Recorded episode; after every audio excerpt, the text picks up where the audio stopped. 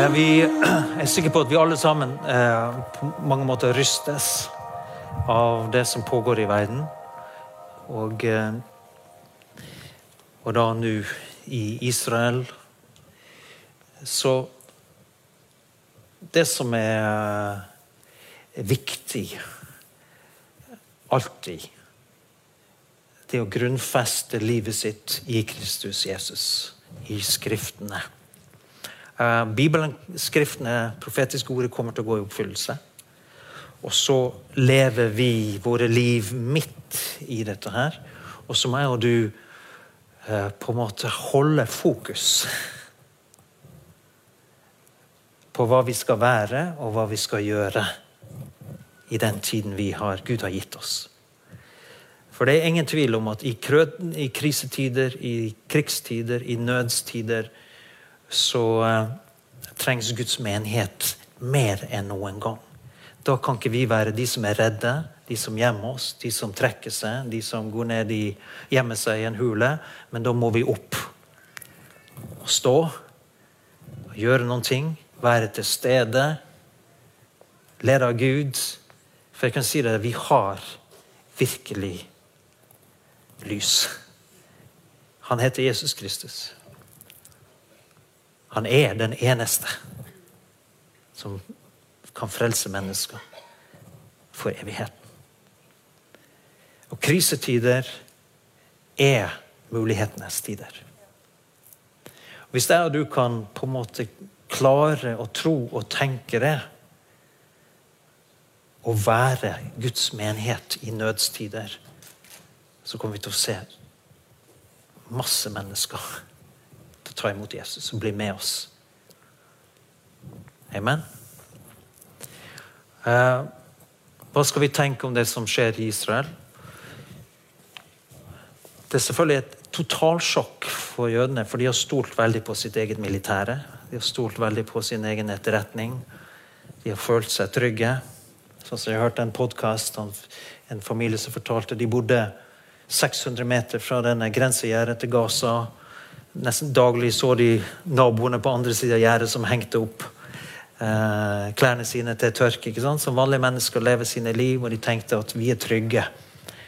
Her går det et gjerde. Her har våre folk full kontroll. Og så skjer det som skjer. Og så nå vet vi at i hvert fall over 1400 har blitt eh, massakrert. Eh, over 200, 210 siste, er da gisler inne i Gaza. Dette er så traumatisk for dette folket. Det er det mest traumatiske de har opplevd siden, siden andre verdenskrig. Altså De andre krigene de har opplevd, de har ikke opplevd denne typen eh, ekstrem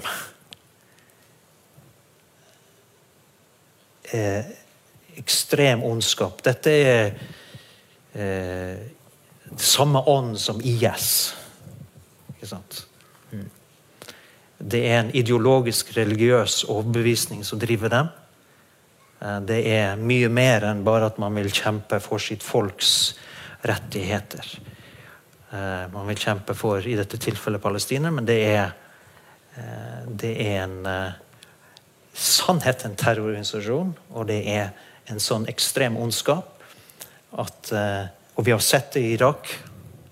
De menneskene vi var sammen med, mange av dem har, har opplevd det. Eh, Vi har sett det i Syria. Det samme ånd. Bibelen profeterer om at disse tingene kommer til å skje. Eh, Jeg snakka med en mann nå når vi var i Tyrkia. Han uttrykte bekymring. Han åpna hjertet sitt for meg. Han var jo i utgangspunktet muslim, men han sa det at han frykta at vi står overfor en stor krig. Så jeg måtte bare forklare ham. fordi det som er det er at mange av disse her, de har, Det er sterk sensur i forhold til nyheter. Også bare i hvilke kanaler de får mulighet til å høre på. Så jeg måtte forklare han nøye hva som hadde skjedd i forhold til denne angrepet på dette sykehuset. For han hadde ikke kilder, han hadde ikke tilgang til informasjon. Så når han skjønte bildet, så liksom på en måte roa han litt ned. Så, så vi vi må be om at sann informasjon, riktig informasjon, også trenger gjennom all manipulasjon og all løgn som foregår. Og Det er en av de store fightene, men barn, der er bønn veldig viktig. Altså, ja, Du kan ikke reise ned med våpen i hånd, det vil ikke gjøre noen forskjell. Men hvis vi ber, så, så kan på en måte lydmuren eh, brytes, og, så mange som mulig kan, kan få tak i et, et mer korrekt og riktig bilde. Så må vi selvfølgelig be for palestinerne. Eh, alle som rammes av krig. Så må vi klare å Samtidig som vi er nødt til å ha veldig klare tanker om hva som er rett og galt. Hva er årsakssammenheng her? Det fins ingen forklaring, ingen unnskyldning, ingen, ingenting som kan forsvare noe sånt som dette her. Så Derfor det kjøres så ekstremt på med å manipulere våre følelser. Ikke sant? Eh, men den som har levd nært terror, vet at det, går, det, er ingen, det er ikke noe du kan forhandle med. Og det var, husker jeg de snakket, når jeg snakka med militære som kjempa mot IS. De sa det, var, det et nytt fenomen. sa de. Fordi at Tidligere så har vi kunnet forhandle med fienden. Ikke sant? Man har ulike styrkeforhold, og hvis du gir det, så kan vi kanskje gå på kompromiss her, og så blir, får vi liksom avtalt fred. Finne en annen slags løsning. Dessverre er det ikke noe løsning her. Enten er du sterkest, eller så blir du utrydda.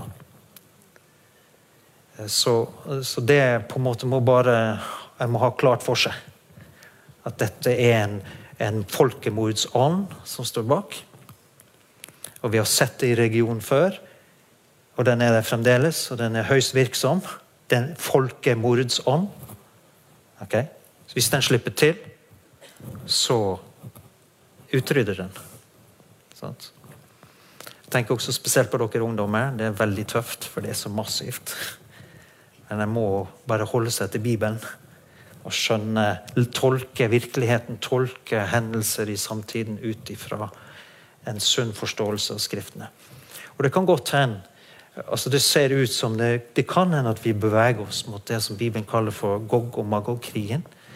Uh, hvis du leser i Esekiel kapittel 38 og 39, da står det om ulike hærer som kommer til å gå imot Israel.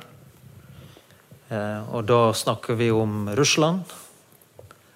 Uh, da snakker vi om ulike stater rundt der.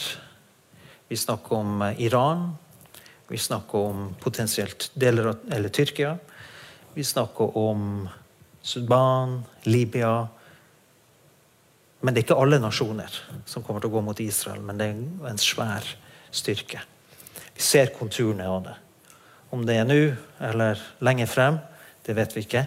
Men vi må bare forankre vår tro i Skriftene, i Bibelen, skjønne hva som skjer, be til Gud, og så må vi utføre, utføre vårt oppdrag som Guds menighet. Amen. Derfor er bønn utrolig viktig, og at vi også hevder det som er sant. Bare vær frimodig på det som er sant og riktig i møte med familie, i møte med venner, i møte med kollegaer. Så har vi et ansvar å si det som er sant det vi vet er sant. Selv om det påfører oss forfølgelse eller ubehageligheter. Så jeg tenker, skal vi, gjøre, skal vi ta et minutt og så bare be vi til Gud?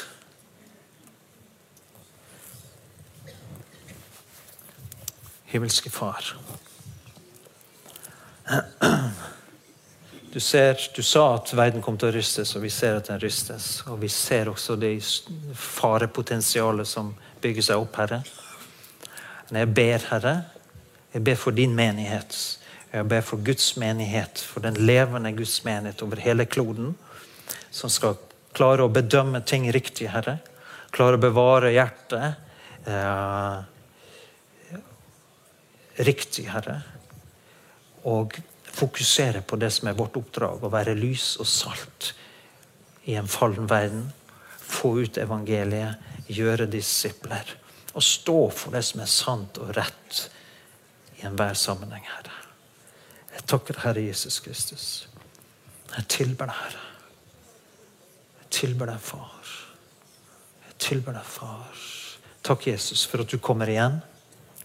Takk, Jesus, for at du kommer igjen. At du er fredsfyrsten, at du er kongenes konge og herrenes herre. Og vi venter på deg, Jesus. Vi venter på deg, Jesus. Vi vil at du, rettferdighetens konge, skal komme. Derfor sier vi, Herre, kom. Herre, kom. Herre, kom. Vi lengter etter ditt, ditt rettferdige rike. Skal dømme nasjonene, skal dømme ondskapen, skal dømme konger og herskere som reiser seg opp mot den sanne Guds sønn. Herre, vi ber, Herre, om at din menighet må bli stående og holde seg på rett side av sannheten. Vi ber for israelerne, for jødene. Trøst dem, trøst dem, trøst dem.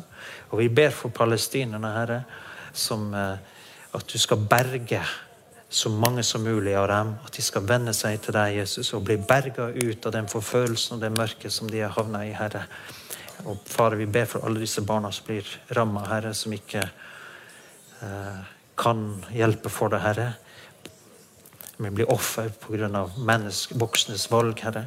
Jeg ber Herre Jesus Kristi ta dem inn i din favn. Ta dem inn i din himmel, Herre. Ta Fader, for disse barna tar du hjem, Herre. De som ennå ikke kan skille på rett og galt, Herre. Som ikke har valgt dette, Herre. Jeg takker deg for du henter dem hjem til himmelen om de dør og blir rammet, Herre. I Jesu Kristi navn. Jeg takker og priser deg for det. Halleluja.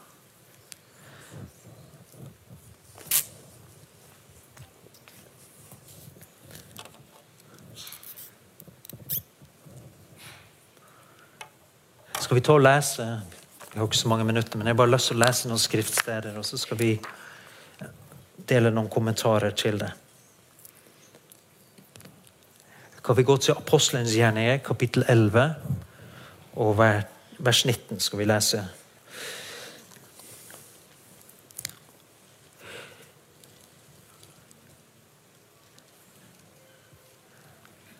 De som ble spredt pga. den forfølgelse som begynte med Stefanus, reiste omkring helt til Fnikia, Kypros og Antiokia. Men de forkynte ikke ordet for andre enn jødene. Da noen av dem, folk fra Kyprus og Kyrene, kom til Antiokia, forkynte de evangeliet om Herre Jesus også for de gresktalende. Og Herrens hånd var med dem, slik at mange kom til tro og vendte om til Herren. Ryktet om dem kom også menigheten i Jerusalem for øre, og de sendte Barnabas til Antiokia. Da han kom dit og fikk se hva Guds nåde hadde gjort, ble han glad og han formante alle til å holde fast ved æren av hele sitt hjerte. For han var en god mann, fylt av Hellig ånd og tro. Og en stor mennes mengde mennesker ble vunnet for Herren. Han dro så til Tarsus for å oppsøke Saulus, som han fant og tok med seg til Antiokia. Et helt år var de sammen i menigheten der og ga mange mennesker opplæring i troen. Det var i Antiokia disiplene for første gang ble kalt kristne. Det som er at evangeliet I Antiokia bodde det gre, hovedsakelig grekere på denne tiden. Med en jødisk, også en jødisk befolkning. Eh, denne byen som er Antakya i dag, der vi nettopp kom ifra, så er det noe spesielt. Vi befinner oss ca. åtte til ti år etter Jesus sin oppstandelse. Det skjer en, en, forfølgelse i Jerusalem, noe som ryster hele den menigheten, den sterke menigheten i Jerusalem. Noen hevder at kanskje halve Jerusalem kom til å tro på Jesus. Det var en, en gedigen vekkelse, en, en, enorm bevegelse blant det jødiske folket. Så kom motstand, så kom forfølgelsen kraftig. Stefanus blir, lider martyrdøden. Og mange blir spredd utover. Men det som imponerer meg, det er det at det at de ble spredd utover, omstendighetene som de levde under, hindra dem aldeles ikke fra å forkynne evangeliet. Og de kom til Fønikia, det er jo da Libanon, Kypros, kjenner vi, også Antiokia, da i dagens Tyrkia. Men så kom det da noen fra, eh, fra Kypros og Kyrenen. Det er altså i dagens Libya til Antiokia. Og her bryter de en barriere. De går, begynner å forkynne evangeliet til grekerne. Og Så ser du hvordan Herrens hånd var med dem, og mange kom til tro og vendte om til Herren. Ser det at nødstider, tider av hvor ting rystes, er en tid hvor jeg og du skal være villige til å krysse grenser. Dette er en tid for muslimene til å få høre evangeliet. Det er en tid hvor jeg og du ikke skal være redde. Hvor vi skal skjemmes over evangeliet. Men hvor jeg og du skal gjøre sånn som de første troende. Spørre Herren hvor fins det muligheter. Hva vil du at vi skal gjøre? Og jeg tror at Gud har kalt oss som menighet, du kan jeg snakke til oss lokalt, til å bryte barrierer. Til å bryte kultur, kulturelle grenser. Til å bryte språkbarrierer. For at de gode nyhetene skal nå til de som ennå ikke har hørt evangeliet. Og Gjennom denne krigen mot IS så er det nå en voksende nettverk av nye troende som jeg og du får være med og betjene. Vi har folk der nede, utsendt fra denne menigheten. her. Det er Det som skjer, er historisk. Men man må overvinne frykten. Og hele tiden dette å søke etter det trygge, det safe, det er liksom Og så si 'Herre, send meg'. Her er jeg. Send meg.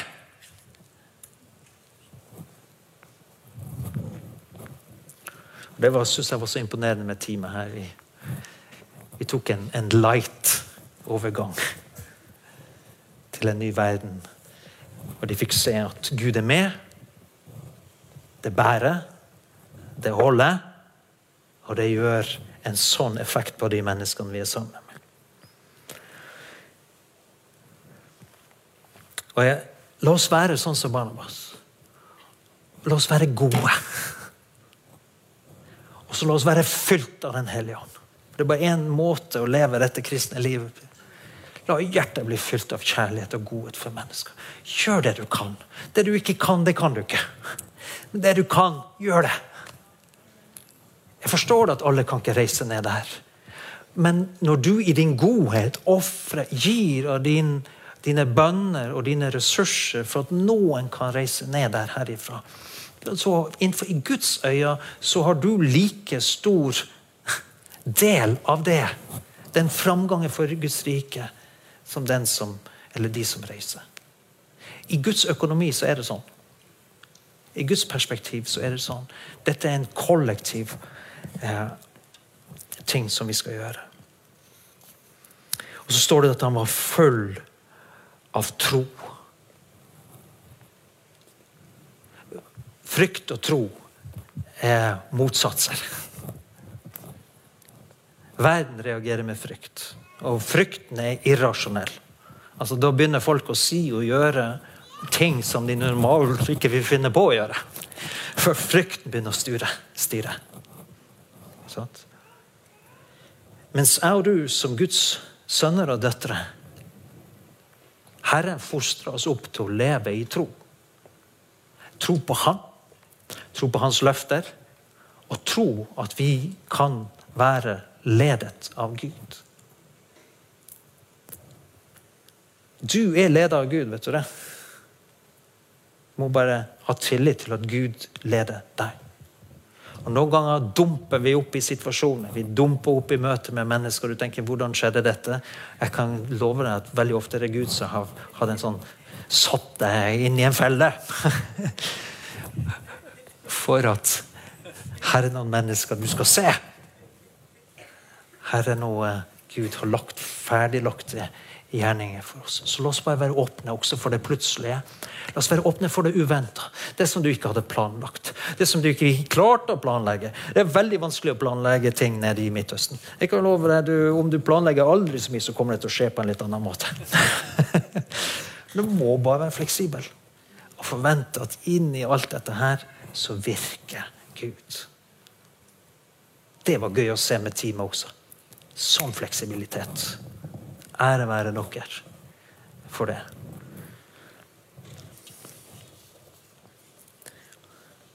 Og Så ser du også at Barnabas oppsøkte Her står det Saulus, det som er Paulus. Han var en vis mann.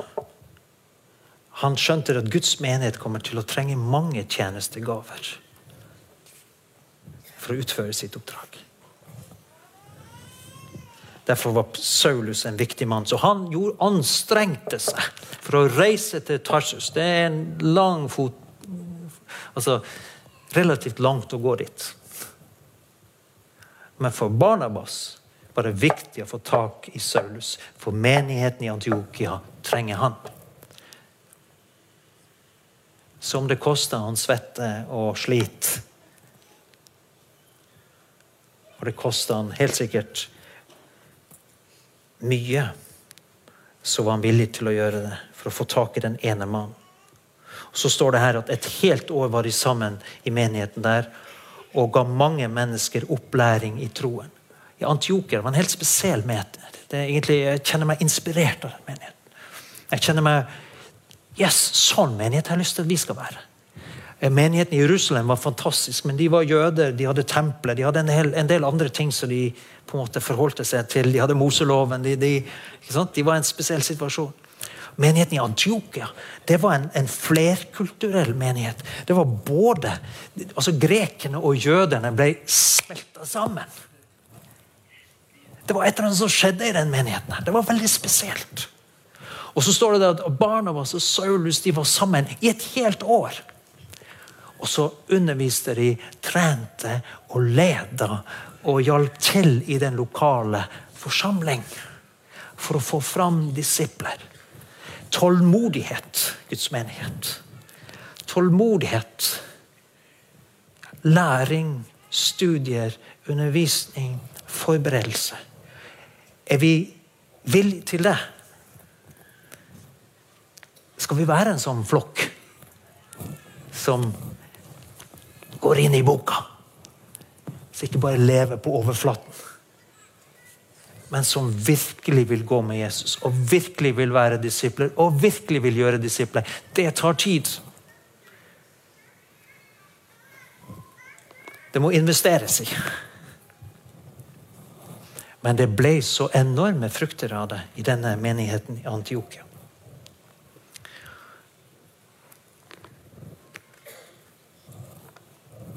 spennende. Og Det var i denne menigheten det står at de, at de eh, første disiplene for første gang ble kalt kristne. Og Kristus det er jo den salvede, men her blir de kalt også kristne. Eh, det betyr altså de som er salvet. Og man har lurt på Hva var årsaken til at de begynte å få dette navnet? Eh, for før hadde jo liksom det, det vært en sekt inn, regnet som en sekt inn jødedommen, Veien. Men nå fikk de en ny tittel, et nytt navn. De som er salvet. Ikke den salvede, men de som er salvet. Før hadde de ofte blitt kalt nasareerne. I Midtøsten så kaller de ofte de kristne for nazarin. Det bruker de fremdeles. Men de hadde også på, tid, nei, på den første menighets tid så ble de også kalt for galileerne, for at Jesus kom derifra. Så det var en sånn tittel de brukte. Eh, men Paulus, Barnabas, vi vet at også Peter var innom der. Andre eh, apostler. Og de innsatte en mann dette står jo ikke i Bibelen, men det andre skrifter forteller oss det. En, en, som ble da på en måte biskop og pastor i den forsamling, Evodius. Og mest sannsynlig han i fellesskap med det lokale lederskapet, var de som valgte å begynne å bruke dette uttrykket kristne. Fordi at de ville at altså Han hadde en tanke med det. Han ville at jødene og grekerne i sammen skulle få en felles identitet. Nå var de en ny kropp. De var Jesus sin kropp.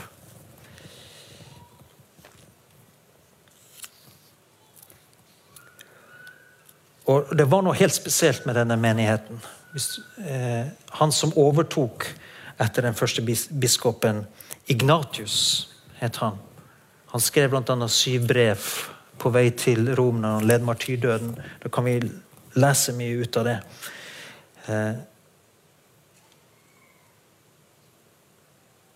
Men han peker Ignatius han sier til forsamlingen i sine brev sånn Husk på Evodius. Det var en Gud reiste opp vise menn, og helt sikkert kvinner, i den menigheten. Som var trofaste mot Gud, som var trofaste mot menigheten. Og Vi leser fra historien at Antiokia ble virkelig et senter. Det var der Barnabas og Paulus ble sendt ut på sin misjonsreise. Det kan vi lese om i kapittel 13.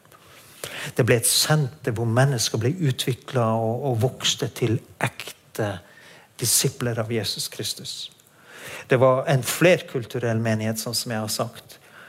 Eh, det var en sjenerøs menighet. Når det var nød, vi leser om i apostelgjerningen, når det var nød, en profet sto fram, Agabus sa det kommer en, en eh, tørketid, så begynte de, det var en sjenerøs menighet. De begynte å samle inn penger for å sende til nødhjelp til Judea. Til jødene der, eller menigheten der. Det var en enormt sjenerøs folk. Og vi ser også gjennom faktisk i tre, i hvert fall i 300 år Det var jo selvfølgelig tider med forfølgelse. Det var, så, langt, jeg har kunnet lest, så var det muligens to eller tre av disse biskopene som led martyrdøden. Men ellers så, så, var det en levende og pulserende menighet. Og det også var det at de klarte å styre og holde kursen. De hadde en, en sunn, relativt sunn lære. For det var så mye forførelse og så mye rare ting som ble undervist og lært i datidens verden. De klarte å håndtere denne spenningen mellom jødekristne, grekere og å stå imot vranglæren, gnostisismen, alle disse tingene som begynte å infiltrere, som djevelen prøvde å infiltrere Guds menighet. Og vi ser biskop etter biskop. Lederskap etter lederskap som fulgte Jesus Kristus og holdt kursen. For det var lagt et så godt fundament. Og en gang i 200, rundt 270 så var det én biskop som begynte å forkynne vranglære. Hva gjorde menigheten da? De avsatte han. Dette stemmer ikke med Skriftene! Ut med det! En ekte gudsmenighet som våka over. Og de bar sånn frukt. Det bar tiår etter tiår etter tiår etter tiår. Det inspirerer meg. Nå får vi se hvor lenge det drøyer til Jesus kommer. Kirsten hun tror han kommer veldig snart. Jeg lurer på om han kommer litt seinere. Vi får se hvem som har rett. Når han kommer, så vet vi. Men la oss jobbe langsiktig. Fryktløst. Handle nå. Tiden er nå. Morgendagen kjenner vi ikke, annet enn at Jesus kommer igjen. Bare all in. All in. Jeg vil bare påpeke det. Det at vi har tid til fellesskap, at vi har tid til bibelstudiet, at vi tar tid til å bygge disipler, det er aldri bortkasta tid. Det er en prosess. Det må vi ha tid til. Jo, vi skal nå verden med evangeliet, og beste måten det er å gjøre disipler og sende ut. Hvem kan forkynne uten at han er sendt? Det er et åndelig prinsipp. Det er helt avgjørende at vi som menighet sender mennesker. Derfor kaller, kaller, vi unge og eldre som kjenner på en brann og et kall og en lengsel i sitt hjerte. Vi vil sende deg. Om Gud sender deg, så vil vi stå med deg og være med og sende deg. For du kan ikke reise på egen hånd.